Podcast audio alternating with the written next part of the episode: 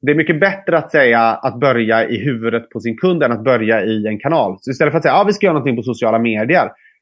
Då har man ju redan liksom kanske begränsat sig. Eller vi ska göra någonting med en print helsida. Vi ska göra någonting i tv. Eller vi ska göra ett event. Eller vad det nu är. Redan där så tror jag man då har, har liksom missat det som är viktigast. Och för mig är det det viktigaste att göra ett jobb i huvudet på kund. Så att, först ska man då svara sig. Okej, okay, vad är det för mål vi ska göra med den här kampanjen? Ska vi få fler intresserade av det vi, den vara vi säljer och vårt varumärke? Eller ska vi bygga mer varumärke? Ska vi bygga minnen? Eller ska vi driva beteende? Där är ju på något sätt... Och då säger självklart alla att vi ska driva alla tre. Okej, okay, ja, men då får ni dela upp den i, i fokus. För ni kan inte göra... Det, det är liksom ett av de vanligaste misstagen är att man försöker då väcka intresse, kommunicera ny fakta så att de ska minnas det och slänga in ett erbjudande för att driva beteende. Och det där är bara helt värdelöst. Det, det, det funkar inte så.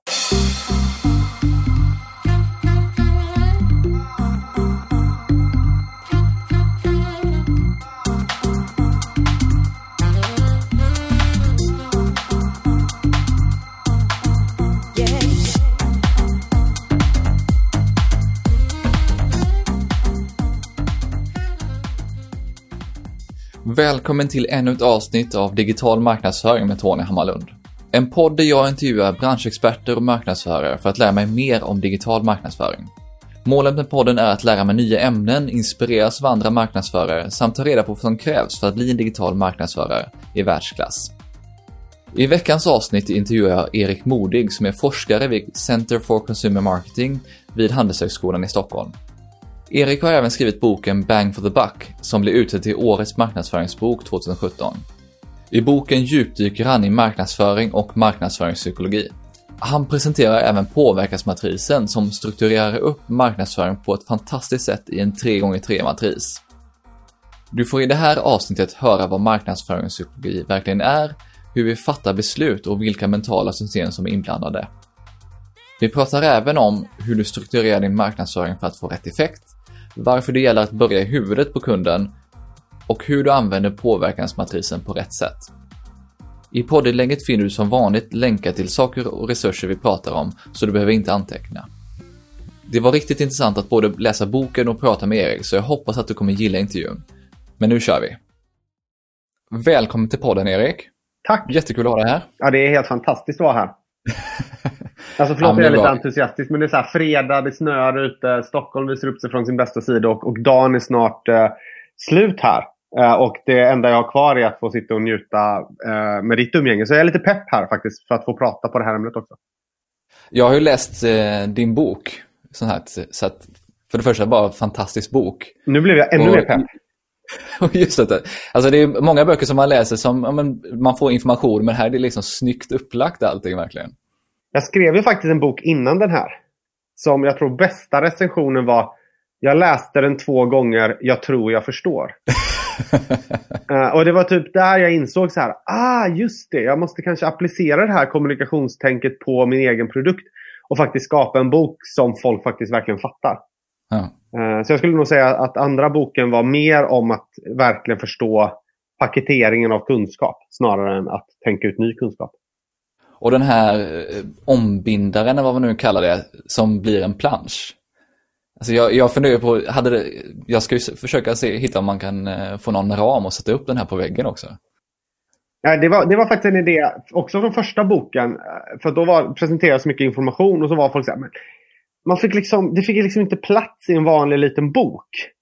Och så sa jag, nej men jag förstår det, för att det är liksom många koncept som ska hänga ihop. Och så tänkte jag, men jag måste ha en plansch uh, med boken eller en plansch som man kan skriva ner. Och då kläckte min uh, designer uh, den smarta idén att vi gör omslaget av boken till en plansch. Ja, det är genialiskt. Ja, ja jag, jag gillar det också faktiskt. Och det var faktiskt ganska billigt också. För det är de här maskinerna som gör de här omslagen, de är ganska liksom, de bara köttar på. Så att det var inte alls så dyrt att göra det heller. Ja, men det är sjukt coolt. Jag har inte sett det förut heller. Nej, inte jag heller, men den här designen hade då sett det. Så att, uh, mm. Som hade, hade en, en, en idé kring det. Uh, och på så sätt så, så... Men jag tror inte någon har använt det kreativt på det här sättet kanske. Men som sagt, boken handlar ju om eh, marknadsföringspsykologi egentligen och hur man fattar beslut och så vidare. Så vi kanske kan börja någonstans. Vad är marknadsföringspsykologi för dig? Uh, marknadsföring handlar ju om hur vi påverkar kunder, påverkar uh, försäljning av produkter och därtill attityder på olika sätt. Och, och kombinerar vi det med psykologi så är det på något sätt att vi ska komma in i hjärnan. Så kombinationen blir på något sätt så här, hur kan vi förstå hjärnan och de olika mentala processerna som ligger under alla de här olika marknadsföringsaktiviteterna vi gör. Så någon typ av, av sån förklaring skulle jag vilja säga. Kan du ge något praktiskt exempel på hur det här faktiskt fungerar och hur vi faktiskt fattar beslut? Ja, alltså jag tror att vi ser det hela tiden. Det är bara att säga så här, äh, vad köper du som du inte har ett rationellt argument att köpa? Godis, snabbmat. Du köper massa varumärken. Du går in i en butik och helt plötsligt plockar du på dig massa saker. Och det är ju inte... Det är ingenting du ofta sitter där och då och tänker ut. Utan du använder massa olika äh, system och processer i din hjärna hela tiden. Många som går på automatiskt men några som du, du triggas igång av den miljön du omger dig av men också var du befinner dig och vad du redan har i ditt huvud. Och på så sätt så så påverkar då eh, omgivningen, vem du är och, och, vad du har för behov, hur du fattar beslut. Eh, och då kan vi ha olika typer av beslut. Eh, och där vi oftast utgår från det här eh, rationella utvärderande beslutet. Det är det vi oftast vill eh, förklara med. Att vi så går i matbutiken eller sitter hemma framför datorn och så liksom utvärderar vi och så tar vi ett beslut. Men det är ganska enkelt för egentligen alla att förstå att det är väldigt många beslut som inte fattas så. Eh, vissa betyg, många beslut fattas bara på rutin. Första bästa. Vi gör på exakt samma sätt som vi gjorde sist. Och sen så finns det vissa eh, beslut som, som går helt på känsla. Det känns bra. Det är inte någonting vi har gjort tidigare. Det är ingenting som vi har argument för. Utan bara känns jäkligt gött att ta det här beslutet. Uh, och, och på så gör det. Så att vi har liksom massa olika processer som driver de här besluten. Och Vad betyder det för mig som marknadsförare då? Om man inte bara kan tänka i de här rationella beslutsvägarna utan även på det emotionella? Ja, det betyder att du som marknadsförare mycket bättre måste liksom organisera din marknadsföring för att eh, anpassa den till de olika eh, sätten som, som eh, kunder kommer anpassa sig. Om vi bara då skulle säga att ja, folk kommer ta rationella beslut och då skulle vi bara sälja de varorna som eh, är liksom bäst utifrån vissa utvalda parametrar. Medans om vi nu ska kunna sälja så kanske vi måste se till att våra produkter står längst fram. För vi vet att folk plockar det första bästa när de är stressade eller, eller på något sätt eh, vill, vill lösa någonting snabbt. Och då tänk, måste vi tänka, okej, okay, så nu handlar det inte bara om att göra de bästa produkterna utan nu handlar det om att ställa dem längst fram också. Och på så sätt så måste du hela tiden anpassa dig till vilket potentiellt system i hjärnan hos kund som skulle kunna vara det som driver beslutet. Och då kommer man, när man pratar liksom vilka typ, olika typer av system, så hur ser det här ut mellan business to business jämfört med business consumer? För nu pratar vi lite om produkter i butiker och så vidare. Exakt. Uh, skiljer det sig någonting? Ja, både ja och nej. Uh, och, och, det skiljer sig så sätt att forskning, många hävdar att faktiskt just B2B är mer emotionellt drivet, alltså mer känslomässigt styrt, vilket är det man oftast inte tänker. Utan många tänker att det är rationellt eh, det, det, eh, och, och, fokus på, på, på liksom för och nackdelar. Ja, inom B2B så behöver vi oftast någon typ av rationellt argument.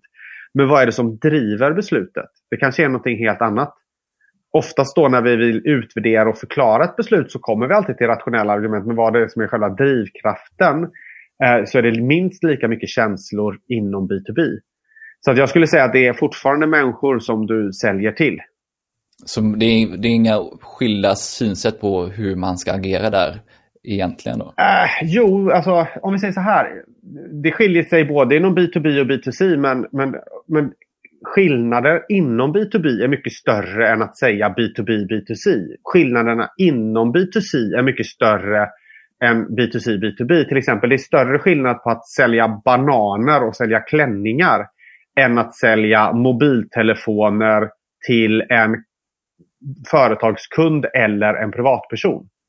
Ja. Så att, att det här överfokuset på B2B och B2C och där många säger att vi är inom B2B, det är helt annorlunda.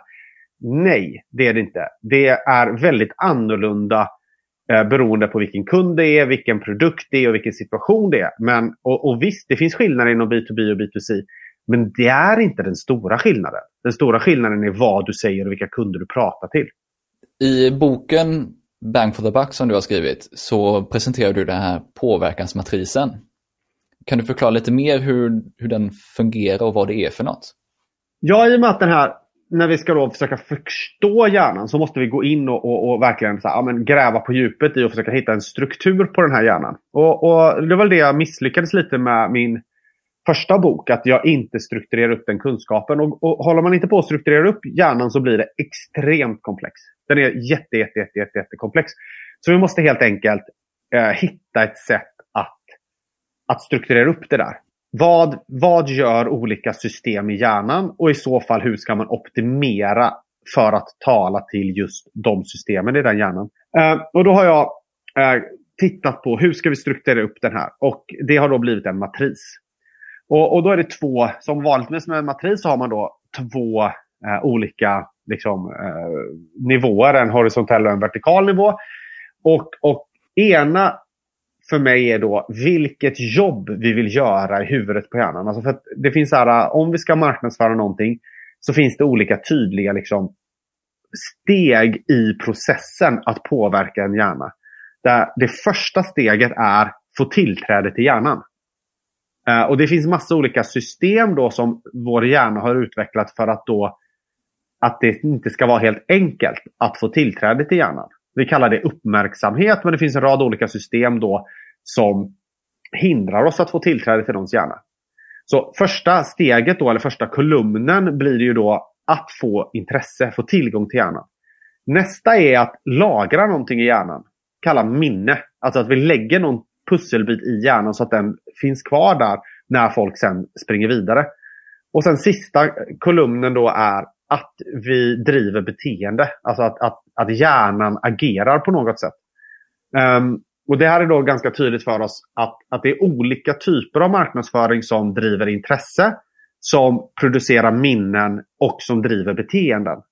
Uh, så det är liksom första indelningen i den här matrisen som är liksom horisontella axeln. Ett är få komma in i hjärnan, placera saker i hjärnan, få hjärnan att agera. Så det är en led. Uh, och det är ganska viktigt då för att de marknadsföringsinsatserna vi gör eh, skiljer sig väldigt mycket. Så att, så att om jag säger att nu ska jag driva sälj, ja, då är det oftast helt andra aktiviteter än om vi ska få någon att minnas någonting. Kontra väcka intresse. Så till exempel om vi vill driva ett beteende, ja men sänk priset på varan. Vi gör ett erbjudande just nu 20% rabatt. Det är jätteeffektivt för att driva beteende.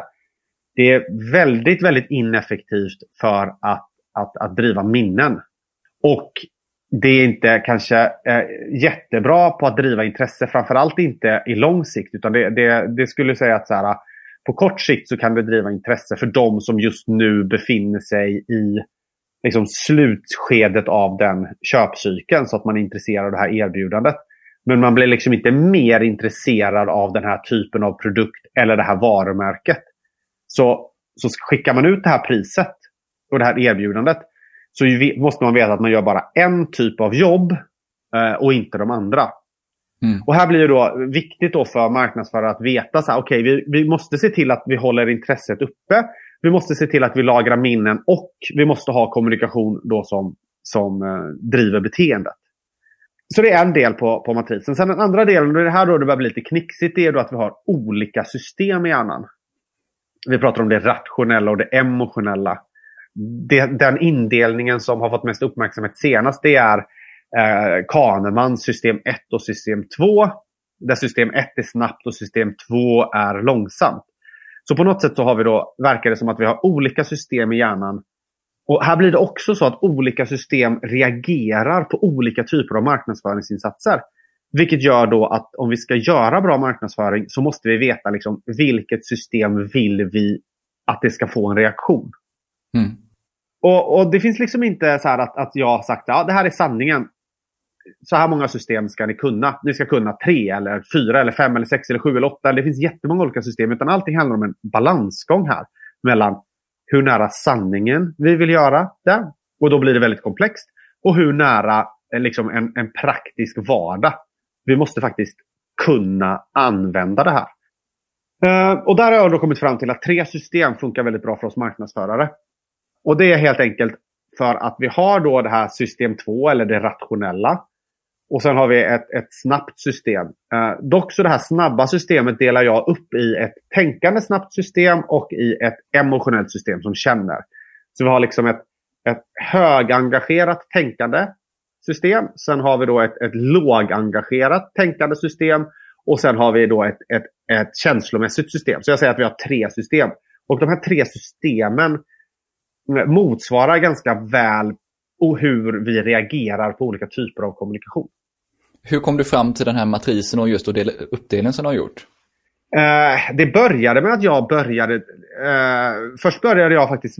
I och med att jag, jag, min utgångspunkt som forskare tittade jag på kreativitet. Och då sa jag så här, kreativ är effektivt. Men, men kreativitet är uppmärksamhet plus relevans. Och då hade jag två system. Och sen så här, men uppmärksamhet plus relevans. Men sen så finns det ju då det här eh, vad heter det, köpsignaler finns också. Och det är, inget, det är inte uppmärksamhet och det är liksom inte eh, relevans. Och sen den här relevansen blev först rationell relevans och emotionell relevans. Och sen så, så liksom adderades det kunskap hela tiden och jag började då bygga den här kartan av olika beståndsdelar kring hur, hur olika typer av marknadsföring påverkar människor. Och sen en, en sommardag för då, vad blir det, två och ett halvt år sedan så, så så, så satt jag på vår sommarstuga och bara, men fan, det här skulle man ju kunna faktiskt sammanfatta i en 3x3-matris. Och så ritade jag upp den och så skulle jag faktiskt hålla en föreläsning på en konferens dagen efter. Så då åkte jag till den här konferensen och sa, du, jag har tänkt ut en sak. Man skulle kunna sammanfatta marknadsföring som en 3x3-matris. Har ni tänkt på det? Och, och det var jätte, jättemånga som gillade den indelningen. Och då sa jag, ja men här är vi på något sätt en, en ganska bra balansgång mellan att ligga ganska nära sanningen Alltså visa att det finns en ganska komplexitet i, i olika marknadsföringsinsatser. Och samtidigt att det blev liksom praktiskt användbart. Jag, ty jag tycker det var jätteintressant för det, jag har varit ganska intresserad av kundresor och personas och så vidare. Så just det här man visar med den här matrisen på någon typ av resa som kunder eller besökare eller personer gör. Så hur fungerar det här konceptet med den här matrisen tillsammans med andra då köpresor eller kundresor? Hanna? Hur gifter sig det med andra koncept som finns inom marknadsföring? Den, den ligger ju väldigt nära köpresan. Bara det att, att köpresan oftast, eller kundresan eller vad vi kallar det, eh, baseras utifrån beteenden. Oftast. Att, att det är någonting som sker eh, som vi som marknadsförare eh, interagerar med en kund. Vi gör dem intresserade, vi ger dem information, de söker information, de utvärderar. Eh, de kanske letar upp olika alternativ. De går till butik, de köper, de använder produkten. Så att vi, vi, vi skapar någon typ av köpresa utifrån beteenden. Vilket också har blivit väldigt populärt nu när vi är inom det digitala. För då, då på något sätt dokumenterar vi köpresan eh, Eh, med olika typer av digitala interaktioner med varumärket och med olika typer av kommunikation det här är på ett sätt att dokumentera den mentala köpresan utifrån eh, att vi har olika typer av mentala processer som kan gå, pågå samtidigt. Och då finns det självklart en, en överlappning att vi måste först väcka intresse för, och det blir då samtidigt när folk då upptäcker att de blir intresserade eller intresserade eller har behov av den här produkten. Sen att vi då ska få dem att minnas saker. Och det går ju självklart in i när de letar utvärdering och, och, och lär sig saker. Och sen självklart är att vi då gör olika saker för att de ska bete sig på ett visst sätt, vilket också går in då. Så, att, så att det här blir på något sätt en, en mental komplement till en, en, en beteendefokuserad köpresa. Och persona som man försöker bygga eh, i många fall, liksom att man sätter upp en person, en, en typ av person med drivkrafter och demografi och allt, allting egentligen. Bör man komplettera det med den här mentala biten också? Det här går ju väldigt nära det. Eh, det som är viktigt att förstå är ju att, att de här olika systemen jag pratar om, de finns ju i alla.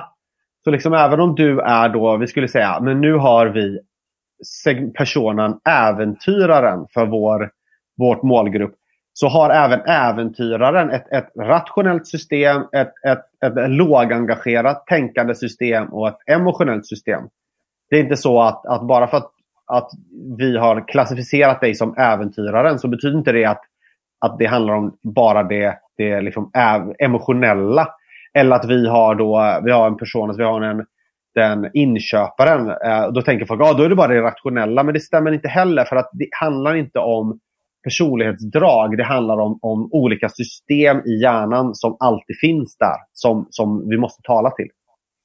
Hur analyserar man då kunders eller personers beteende för att veta vilka system det är som används och när?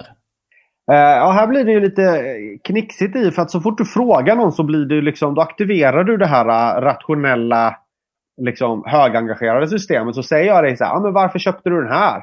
Och då svarar ditt eh, rationella system. Så då kommer du säga, nej men det var ett bra pris och, och, och den har exakt de funktionerna som jag gillar det är väldigt, och, och, och då på något sätt så, så börjar vi fråga folk så blir vi på ett sätt biased. I, mångt och mycket beroende lite på hur vi frågar såklart. Så, så ett är ju då att observera hur folk faktiskt tar beslut. Tar de snabba beslut? Tar de långsamma beslut? Tar de tänkande beslut? Vad är det egentligen som driver dem? Så där får man helt enkelt både fråga, observera och, och titta på olika typer av data för att på något sätt säga ja, men det, det är nog så här man, man, faktiskt, det är nog så här de verkligen tar beslut och så. Men det är en rad olika eh, liksom, typer av, av marknadsundersökningar som kan komplettera in till de här insikterna. Om man nu har analyserat det här, man har gjort olika typer av undersökningar, hur skapar man en strategi utefter det man har kommit fram till för att verkligen implementera den här matrisen som du arbetar, har satt upp egentligen? Då? Jag tror att matrisen främst funkar, nu har jag inte varit ute i ett och ett halvt år, och, och främst så är den så här, har vi missat någonting? Här, är det någon, någon typ av, av påverkan där vi inte har gjort någonting? Det är en sak. Har vi missat något system eller, viss, eller gör vi bara säljgrejer? Fokuserar vi bara på beteenden? Har vi inte fokuserat någon kommunikation eller aktivitet på minnen? Och sånt där? Så att det, på ett sätt, först är det så här, har vi missat någonting? Nummer två är, är vi för dåliga på någonting? Vi vill skapa uppmärksamhet för att få, de här, eh, för att få människornas uppmärksamhet, men, men vi kanske inte får uppmärksamhet. Då kan man gå tillbaka och titta på Okej, okay, men vad, vad, säger nu då eh, sammanställningen? Då? För utöver de här olika rutorna, så det jag faktiskt, det stora bidraget är ju att jag sen har då sammanfattat alla marknadsföringsstrategier för att ta reda på hur ska vi då optimera marknadskommunikation för de här, eller påverkan för de här olika effekterna. Och där skulle man då kunna mycket tydligare säga, okej, okay, om vi nu ska få uppmärksamhet, ja då måste det vara nyskapande. Okej, okay, hur är vi det? Och då finns det olika processer. Så på ett sätt så blir det snarare som en så här... Det här är inte ett verktyg för att lägga en hel strategi, utan snarare så här, har vi missat någonting? Kan vi göra någonting bättre? I så fall, hur kan vi göra det? Uh, och jag tror att där kommer man väldigt, väldigt, väldigt, väldigt långt bara av att liksom göra en, en, en ärlig reality check. Så det är en checklista egentligen för att se att den plan man har satt upp, att den faktiskt uppfyller de kriterierna som man behöver för att driva det beteendet? Eh, jag skulle säga så här, rent, rent praktiskt så är det så jag har upptäckt att, att, att folk som börjar jobba med den eh, använder den på bästa sätt.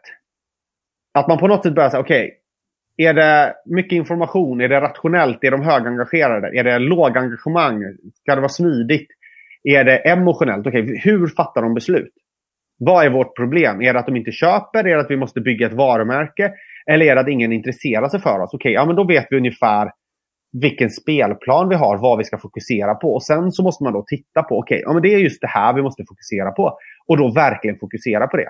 Där tror jag man, man liksom kommer fram till väldigt mycket. Och Sen så tror jag det också, har jag märkt att att många marknadsförare tänker att ah, det är det här vi ska göra. Men så har man liksom inte matchat det med vad, liksom, vad kunderna är mottagliga för eller vad man faktiskt har behov av. Varumärken som ingen är intresserad för hörs och kör säljkampanjer. Och så är det så här, ja det är ju en kortsiktig lösning men om ni verkligen kollar på den här så, så är det ju intresse ni måste driva. Uh, och intresse drivs inte av säljkampanjer. Och, och om man då är ärlig mot sig själv och verkligen säger att oh, nu har vi fattat det här och, och, det är verkligen så här vi måste göra. Då, då, tror jag man kan verkligen få ut mycket av att verkligen här, optimera eh, den kommunikationen man gör. Vilken roll fyller då olika kanaler, olika taktiker och olika typer av kommunikation i den här modellen? ett, ett mål med modellen är att man först tittar på liksom vilket mentalt jobb man vill ha gjort. Och sen går man över på kanaler och taktiker. Och, och utifrån vilket jobb man vill ha gjort i huvudet på kund så kan man välja taktiker. Och sen när man har valt taktiker så kan man då hitta liksom vilka kanaler. Det är mycket bättre att säga att börja i huvudet på sin kund än att börja i en kanal. Så istället för att säga att ah, vi ska göra någonting på sociala medier då har man ju redan liksom kanske begränsat sig. Eller vi ska göra någonting med en print helsida, vi ska göra någonting i tv, eller vi ska göra ett event. Eller vad det nu är.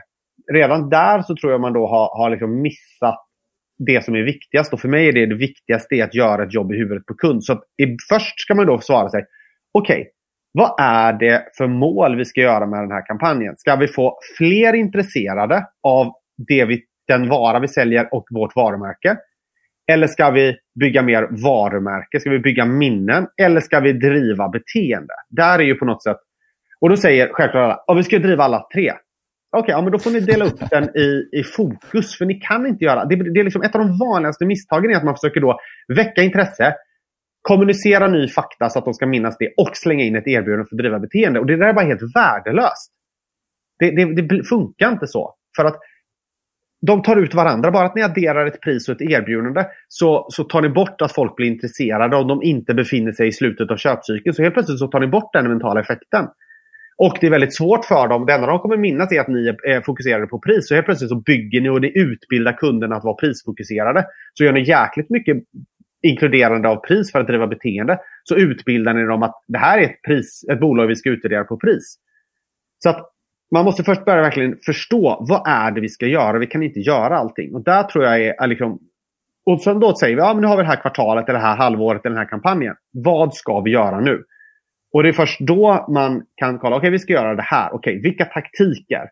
Är det pris vi ska använda? Är det något emotionellt? Ska vi väcka en känsla? Ska vi ha mer information? Ska vi bygga kännedom?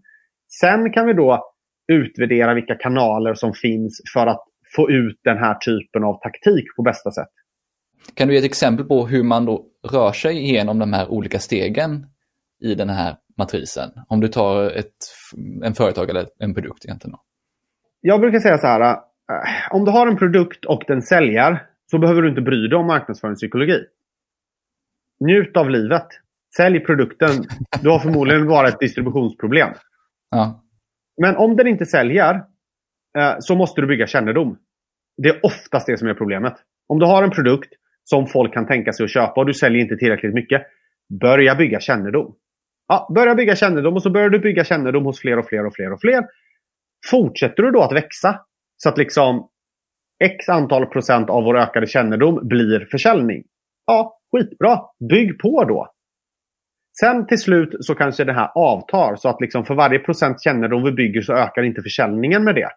Eller så blir det för dyrt för oss att bygga eh, liksom kännedom. Ja, då måste vi få mer uppmärksamhet förmodligen. Eh, då måste vi göra, liksom, väcka intresse på ett helt annat sätt och, och vi måste bygga mer intressant kommunikation. Och om vi sen ändå så stagnerar så måste vi då kanske börja argumentera med dem. Vi liksom addera det rationella. Eller vi måste addera det emotionella. Och på så sätt så, så måste vi liksom fylla på lite för att vi ska då kunna fortsätta liksom bygga eh, den här liksom maskinen som får ut den här produkten. Och sen då när vi har då byggt upp det här Eh, och vi fortfarande vill ha en mer tillväxt, ja då adderar vi på liksom säljfokus. Vi lägger på en del emotionella drivkrafter för att driva sälj. Vi dricker på lite rationella kampanjer, erbjudanden och sånt. Och sen när vi väl har fått upp det här maskineriet så handlar det väldigt mycket om då att fortsätta driva intresset så att folk hela tiden tänker på vår produktkategori i väldigt många olika situationer. Så att det är, är smidigt att ta val och sen helt plötsligt då så, så har vi liksom täckt in de här nio rutorna som matrisen blir och så, och så har vi byggt upp ett maskineri. Och sen blir det då att hålla koll på var vi tappar, vad konkurrenterna gör för att se till att, att vi träffar in rätt rutor för att hålla just vårt maskineri igång. Liksom.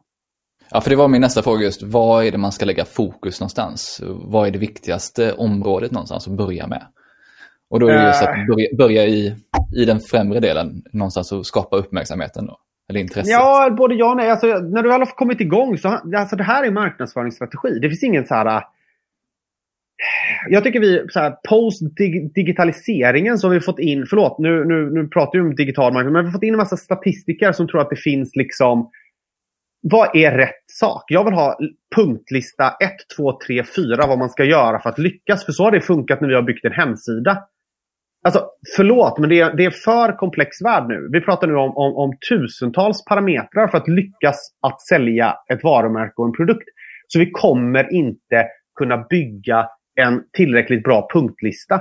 Och om vi bygger en punktlista så är det någon som är kreativ nog att, att gå runt den punktlistan. Så att tänka att det finns någon så här, var börjar man? Vad är steg ett? Nej, det funkar inte så. Utan nu kommer vi in i, i strategisk marknadsföringstävling. Alltså där folk är smartare och är bättre på marknadsföring och de är mer kreativa. Så de kombinerar olika mentala processer på ett bättre sätt än konkurrenterna så att man vinner. Och det är det här jag tror äh, vi måste liksom komma tillbaka till. att Marknadsföring är att outsmart competition, inte att följa en punktlista. Men jag tycker vi har väldigt, väldigt många har hamnat där. Vad ska vi mäta och vad ska vi göra? Vilken kanal ska vi köpa och hur mycket ska vi göra där för att optimera? Ja, men vad fan håller ni på med? Kommer ni från sökord där vi kan då skicka in allting i en algoritm och så kommer det ut på bästa sätt? Nej, ni måste vara jäkligt smarta. Analysera så mycket data ni kan få in och på något sätt ha en riktigt jävla bra burk i ert huvud som på något sätt kan komma på en kreativ strategi. Ja, data kan hjälpa er. Men om vi tittar på riktigt, riktigt stor tillväxt så är det inte data som driver den idag. Utan det är folk som på något sätt har, har tagit in, gjort observationer, tagit in data, tagit in insikter, har en förståelse hur kunder tänker och kommit fram med ett jäkligt kreativ, smart ny lösning och varit duktiga på att genomföra det.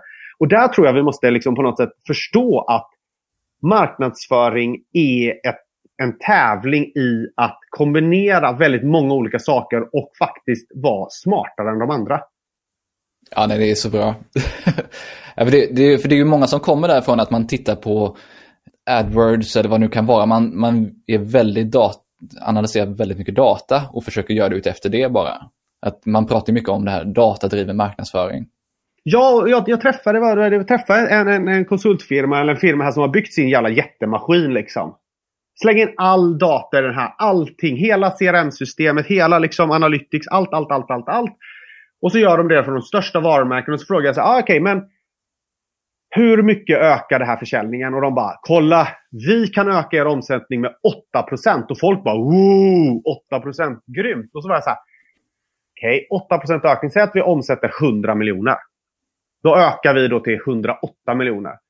Säg då att vinsten vi har 50% marginal säger vi. Då har vi tjänat 4 miljoner på att liksom bygga det här systemet.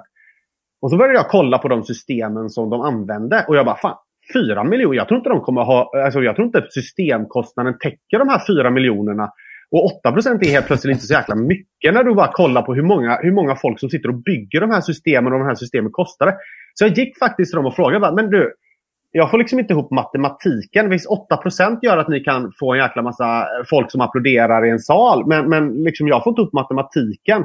Och de bara, nej, vi, vi, vi går ju bara på kunder som har x antal miljarder i omsättning. För det är där vi kan få ihop dem. För att, för att få den här digitala supermaskinen att, att, att driva tillväxt så måste du bygga jäkligt grymma system. Och kan du göra det billigt, vilket vi förhoppningsvis kommer kunna göra. Det kommer säkert någon snart som, som kan bygga ett sånt här system som inte kostar så mycket. Jättebra, vi vill jättegärna ha de där 8 procenten. Men idag så är det så att systemen kostar ganska mycket. Och sen nummer två är att det är ganska få företag där det blir så mycket mer än 8 procent. Det är inte så att vi, vi slänger in all data och så kommer vi fram till något revolutionerande nytt. Och så blir det så 100% ökning eller 50% ökning. Utan det här är ett sätt att optimera olika typer av, av kalibrera olika system. Och just nu så är, så är de inte banbrytande och jag vet inte om de någonsin kommer bli det. Men frågan är, är det det som är meningen just att du pratar, säger just optimera och det är väl det som är det ordet att man optimerar den kommunikationen med, men det är så mycket mer man måste göra för att driva verklig tillväxt. Exakt. Och det är väl det, nu går jag igång här. Men jag menar, det är det jag tror också att man ska, man ska ha en, en, en aspekt utifrån att vi ska optimera systemen. Men sen måste vi också ha några halvknäppa personer som, som tänker helt galet, helt utanför boxen och, och inte begränsas på olika sätt. Vi ska förse dem med data för att vi vet att mer informerade och datadrivna beslut oftast blir bättre. Men vi måste fortfarande öppna upp för den här kreativiteten som sträcker sig bortom punktlistorna. Ja, nej, jag, jag tittade igår på eh, ett riktigt coolt klipp med en YouTuber som heter Casey Neistat.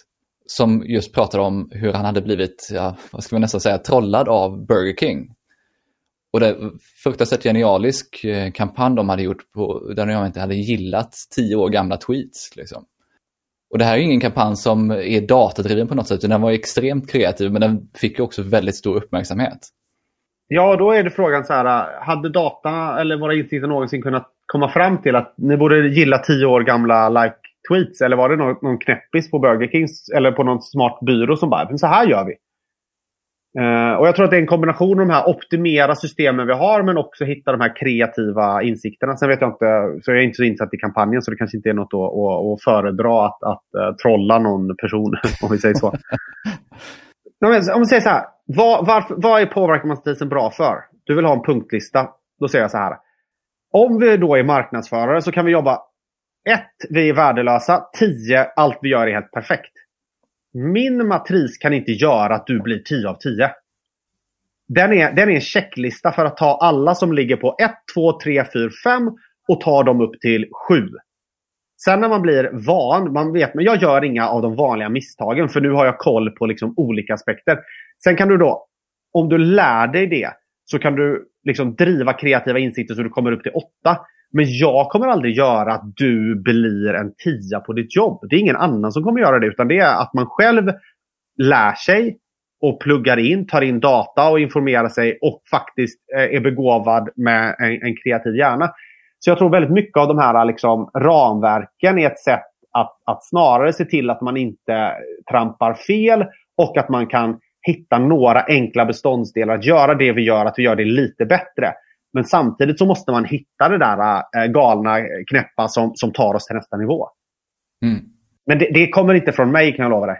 I boken så pratar du just om att man ska lämna olika typer av kopior och fokusera på vad som verkligen spelar roll vad är det man ska mäta? Eller rättare sagt, hur vet man att man faktiskt gör rätt? Om man nu använder matrisen för att checka att man inte går utanför, man inte gör några fel. Ett är ju så här, äh, går aktiekursen uppåt? Det är väl det första bra start. Om vi jobbar på ett stort bolag, går aktiekursen uppåt eller går den neråt? Och jag tror vi som marknadsförare måste börja där. Och om den går uppåt, ja, plocka hem din bonus och, och, och, och var nöjd och glad och du behöver aldrig plocka upp påverkansmatrisen. För bevisligen gör ni någonting så bra så att er aktiekurs... Sen om aktiekursen inte går ner så får du kolla, okej, okay, det är något problem. Vår aktiekurs går ner och då är det oftast en av två anledningar.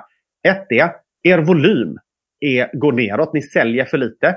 Eller så är det marginalen. Vi, vi, vi säljer för billigt eller vi, vi kan inte sälja tillräckligt dyrt. Och då måste vi ta reda på, som marknadsförare måste man börja, okej, okay, vilket av de här problemen är det? Är det att vi inte kan få ut våra produkter eller är det att inte folk är villiga att betala priset för oss?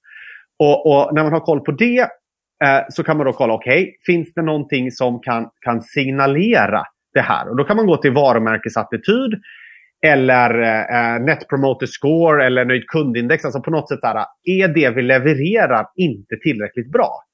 För vi vet att har vi dåliga produkter, alltså, eller upplevelsen eller någonting, det är kass. Det påverkar marginalen och volymen.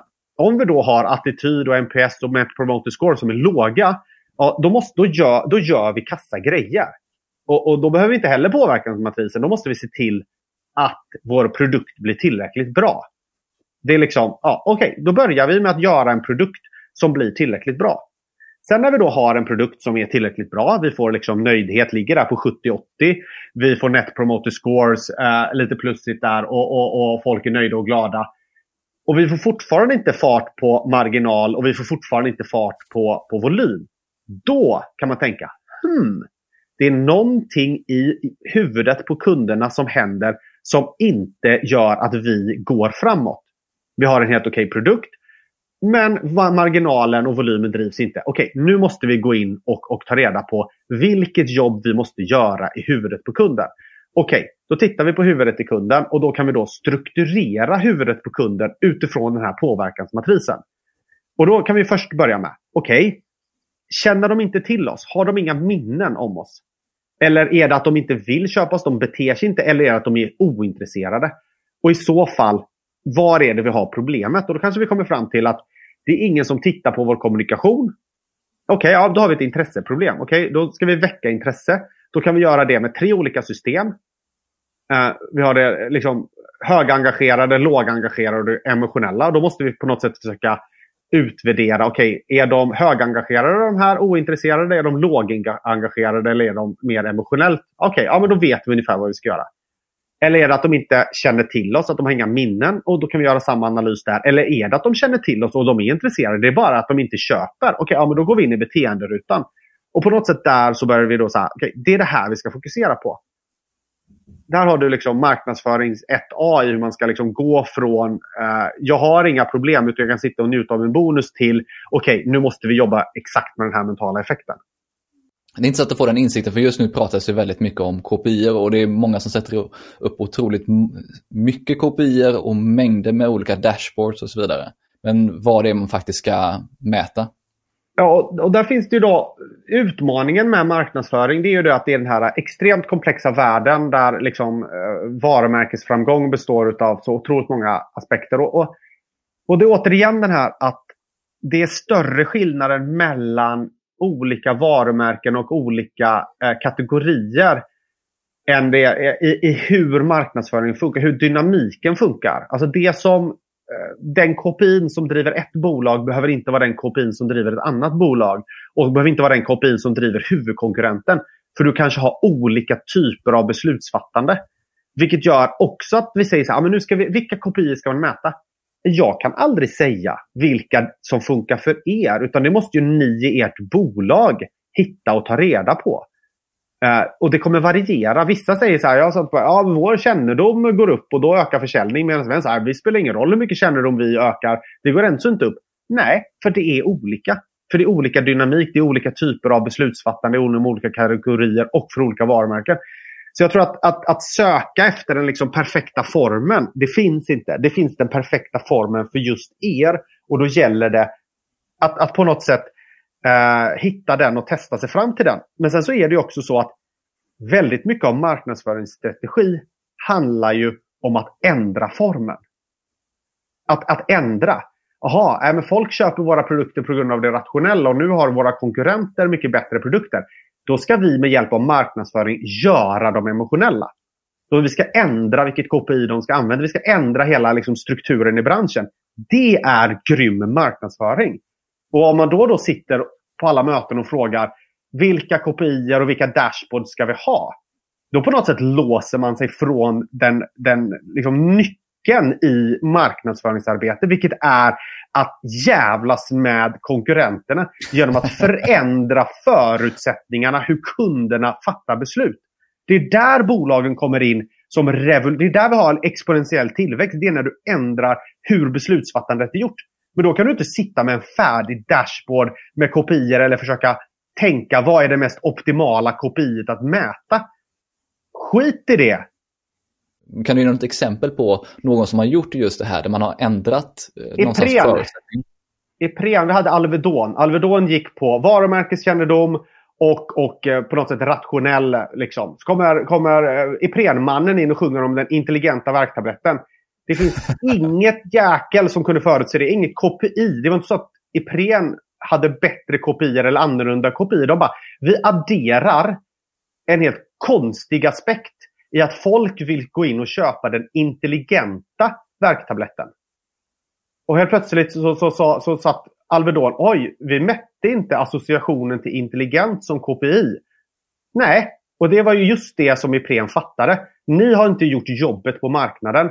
Det öppnas upp för en ny typ av association. Det fanns inget, det fanns inget kriterie för att utvärdera smärtstillande. Och helt plötsligt så var det då en mental möjlighet för ett varumärke att addera ett utvärderingskriterium. Och på så sätt så kunde de med marknadskommunikation addera och äga ett nytt utvärderingskriterium. Och det hade inte spelat någon roll. Det var en kreativ tanke och, en bra kampanj som gjorde att de kunde äta upp jätte, jätte, jättemycket av marknaden. Men det byggde ju på att de var villiga att ändra vad vi då skulle, vad vi skulle mäta. Ja, jättebra exempel. Men vi har ju just nu på marknaden någonstans den kreativa sidan och den datadrivna sidan. Där man, när vi nu pratar digital marknadsföring, för inom digital marknadsföring så är det väldigt mycket eh, snack om just datadrivet. För här har du ett tydligt exempel på där det verkligen inte är datadrivet egentligen. Men man, jag, jag vill inte ställa de här mot varandra. De, de som är riktigt, riktigt data, de bästa datadrivna jag har träffat. Alltså genierna på datadrivna. De säger till mig och säger så här, vad, vad skulle du vilja köpa för ett varumärke just nu? De bara, en riktigt grym kreatör. Och det är då man, det är, då man är riktigt bra på datadrivet. Medan de varumärkena som har riktigt, riktigt grymma kreatörer. Vad säger de? Vad skulle du vilja ha? Någon? De bara, jag skulle vilja ha en absolut smartaste dataanalytikern. Och det, är det, man, det handlar om att, att förstå båda och gifta ihop dem. Kreativiteten växer ju av att vi har fantastisk data. Och datan blir bättre av att vi har de kreativa insikterna. För då kanske den här eh, kreativa insikten bara shit, fan, vi, vi, vi, vi, gör en enkätundersökning. Vi ser att det finns inga starka associationer till det här. Okej, okay, då går vi till de kreativa så hittar vi. Det finns ingen som, som har eh, associerat med intelligens. Okej, okay, då kanske vi kan skapa det här intelligenta och så kombinerar vi ihop de här två. Och Det är det som gör marknadsföring idag så infernaliskt svårt. För vi, vi måste ta det bästa av det data och bästa av det kreativa och få ihop det. Och det, det är väl lyckas med det som, som vi verkligen skapar magi. Om du skulle sammanfatta det vi har pratat om här idag, vad är det viktigaste kring marknadsföringspsykologi som marknadsförare ska ta med sig? Gå tillbaka till, till liksom basic. Alltså, det har hänt så otroligt mycket. Alltså det har hänt eh, vansinnigt mycket inom marknadsföring. Och, och jag tror att att liksom gå tillbaka och titta liksom på, på hur bygger vi eh, en produkt och, och hur bygger vi liksom försäljning och hur, hur, alltså hur bygger vi de här sakerna. Det, det tror jag är, är jätte, jätteviktigt. Och sen också kombinationer av, av de här världarna. Att inte, att inte falla i något av Att inte se digitaliseringen och datahetset som ett hot. Men inte se det som att det frälser allt. Utan på något sätt se så här. Äh, nu har vi fantastiska möjligheter att ta det bästa av, av, av två olika typer av, av insiktsgeneratorer. Äh, äh, eh, och då vill vi koppla på båda de motorerna på något bra sätt. Mm. Om man nu pratar mer om det här om psykologi och beteende och hur vi fattar beslut. Hur lär man sig mer om det här? Vi har ju den här, din bok som sagt, Bang for the ja. buck. Hur lär sig marknadsförare mer om det här? Gå tillbaka och utvärdera kundbeteenden och, och kommunikation. Prata om det. Jag tror att, att läser man min bok så får man med sig det mesta. Sen tror jag man måste bara sitta och prata och prata och prata med andra som är intresserade. Analysera. Hur tror du beslutsfattandet funkar här? Jaha, hur tror du den kommunikationen påverkar? Hur tror du det funkar? Hur tror du det funkar? Snacka, snacka, snacka. Så att man får upp en vana att ta in eh, en mer eh, nyanserad och mer fullständig syn på olika psykologiska aspekter. Så det är ett jättetråkigt tips. Du hade velat säga läs den här boken så kommer du bli ett geni. Men det, det funkar tyvärr inte så. utan det funkar så här, läs boken ordentligt, kanske läs den en gång till och sen så sitter du och snackar med några vänner och sitter och blir lite supernörd och sitter och verkligen analyserar eh, hela, hela, hela tiden. Då tror jag man kommer bli bra. Ja, just att läsa boken flera gånger, för det kände jag någonstans att när man har kommit en bit i det, så man vill bara hoppa tillbaka och, och djupdyka mer i olika delar i boken egentligen. Så att, eh, jag har hoppat tillbaka och fram i boken nu ett par gånger när jag har läst den. Den är lite strukturerad så också, att man, att den, man kan det.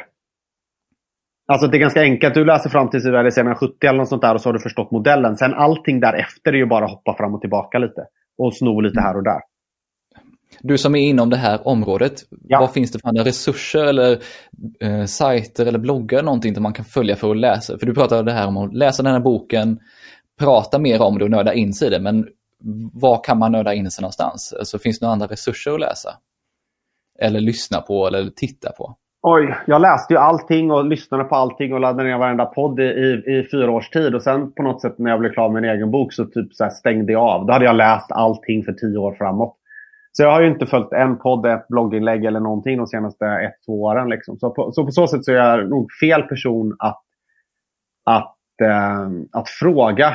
Äh, och det är också så att jag är ute och pratar med folk dygnet runt om det här. Så jag har ju väldigt lite annat behov av att leta upp en kanal där jag sitter och pratar om det här i och med att det är det jag gör. Eh, det finns lite olika böcker. Det finns eh, referenser till det i boken eh, kring olika perspektiv som man kan gräva djupare i. Um, sen så finns det de här fantastiska poddarna. Den här podden och det finns massa andra poddar som pratar om det här. Så att, men, men jag tror bästa är att, är att titta runt sig om i sin vardag och verkligen börja analysera. Hur påverkar det ens beslut? Avslutningsvis, vad finns det för trender på det här området som man behöver ha koll på? Eh, nej, men jag, skulle, jag, jag skulle säga så att trender beror väldigt mycket på liksom var, man, var man sitter, eh, i vilket hörn. Vi, vi ser fortfarande, liksom, ja, som du sa, digitaliseringstrenden finns och vi har också en, en stor trend i att prata lågengagemangsbeslut. Vi har också en stor trend i att prata identitet och social tillhörighet. Vi har en stor trend om, om hållbarhet eh, som kommer. Så det finns en massa olika så här, trender. Jag tror att liksom, det nya idag är väl att allting alltid är trender beroende på vem du frågar och var du befinner dig och så på något sätt. Så att, jag skulle väl säga att, att jag hoppas att, att den nya trenden blir de som, som tar ett steg tillbaka och ser helheten. För de flesta tittar för mycket på, på, på det nya, eller vad, hur tänker du? Ja, eller, jag, jag tror vi, vi, vi fick lära oss så mycket de senaste tio åren så vi blev lite oroliga. Så vi tänker att en, nästa trend kommer lösa det för oss. Och jag hoppas att väldigt många tänker så här, nej nästa trend är inte det utan det är tillbaka till basics som kommer lösa det för oss. Jag hade ett bolag som hade vad det, 40% tillväxt och hörde av sig till mig och frågade vad, vad, vad, vilka nästa trender måste de anpassa. Jag bara, fan, ni har 40% tillväxt, njut! Fortsätt. Fortsätt bara, njut. Ni behöver inte kolla på någon trend. Hör av mig när, när er tillväxt är nere på 20% så bjuder jag på ett glas skumpa. Och sen när ni är nere på 5 ja, då kan vi börja prata. Eh, du förstår vad jag menar. Alltså, ja. uh, vi, har, vi, har, vi, har liksom, vi tror att det vi tror att det kommer nya saker och att vi måste haka på de trenderna. Förhoppningsvis har vi lärt oss att, att de senaste fem åren vi måste inte hoppa på trenderna utan vi måste göra grunden riktigt, riktigt bra. Och, och, och jag hoppas då att trenden blir att folk går tillbaka och ser över sina produkter, sina produktupplevelser, laddningssidan på sina hemsidor. Alltså gå tillbaka till basic och, och, och, och, och fixa det. Mobilanpassa bra. Det är fortfarande många som inte ens har liksom bra mobilanpassning. Det är liksom, eller eller ha, skapa massa sociala mediekonton som inte uppdateras. Så det, det, är så, så mycket som är kast där ute. Så att jag tror att liksom, fokusera inte på trenderna utan se till att gå igenom strukturerat alla olika områden och, och shapea upp där. Så, så hoppas jag att det är trenden. Städa upp på det som vi inte har hunnit med de senaste tio åren. Vi avslutar där. Var hittar man då den här boken? Boken finns på Bokus och Adlibris. Så det är bara att, att, att gå in där. Om man vill följa dina insikter som du delar med dig av, vad gör man det bäst? Eh, då, gå, att dela med mig på LinkedIn. Jag finns inte i något annat sociala medier just nu. Jag finns, men jag skriver ingenting där. Eh, tanken är att jag ska bara finnas på LinkedIn. Så man kan gå in på en hemsida också och signa upp på ett nyhetsbrev. Men jag har inte skickat ut någonting där. Eh, utan jag är, jag är väldigt bra på att skriva böcker och hålla föreläsningar och sånt. Så, så det tror jag. Jag är väldigt dålig på snuttifiering av kunskap i sociala medier. Men addera mig jättegärna på LinkedIn uh, och, och, skriv hej. Så, så tror jag att det är absolut bästa sättet att att bygga upp eh, en kontakt. Och jag lyssnar gärna och, och bollar gärna där. Så, så det är väl tipset. Perfekt. Tack så hemskt mycket för idag. Detsamma. Tack så jättemycket för att jag har fått prata om mina tankar kring det här. Jättebra. Men jag tror jag hoppas, jag hoppas också att många marknadsförare är ute och lyssnar och just går tillbaka lite till, till grunderna. För det är, det är väldigt mycket snack om taktiker och nya kanaler. Det hoppas jag med. Det där var så intressant. Jag tog mängder med anteckningar både när jag pratade med Erik och sen också när jag lyssnat igenom det här avsnittet i efterhand. Det är så intressant att få ett ramverk att tänka ut efter när man planerar sin marknadsföring så att man arbetar med våra mentala system och inte mot dem. Har du inte läst Eriks bok redan så råder jag dig verkligen att göra det. Den har redan blivit ett uppslagsverk för mig som jag kommer tillbaka till gång på gång. Som vanligt finns länkar och resurser vi pratar om i avsnittet listade i avsnittinfon och poddenlägget på tonyhammarlund.io. Gillade du det här avsnittet så hoppas jag att du också prenumererar i din podcastapp. Och släng gärna iväg en kontaktförfrågan på LinkedIn eller mail på tony.hammarlund.io. Jag vill avslutningsvis även passa på att tacka Mikael på Newbreeze Music som hjälper till att producera den här podden och stå för musiken. Vi hörs snart igen.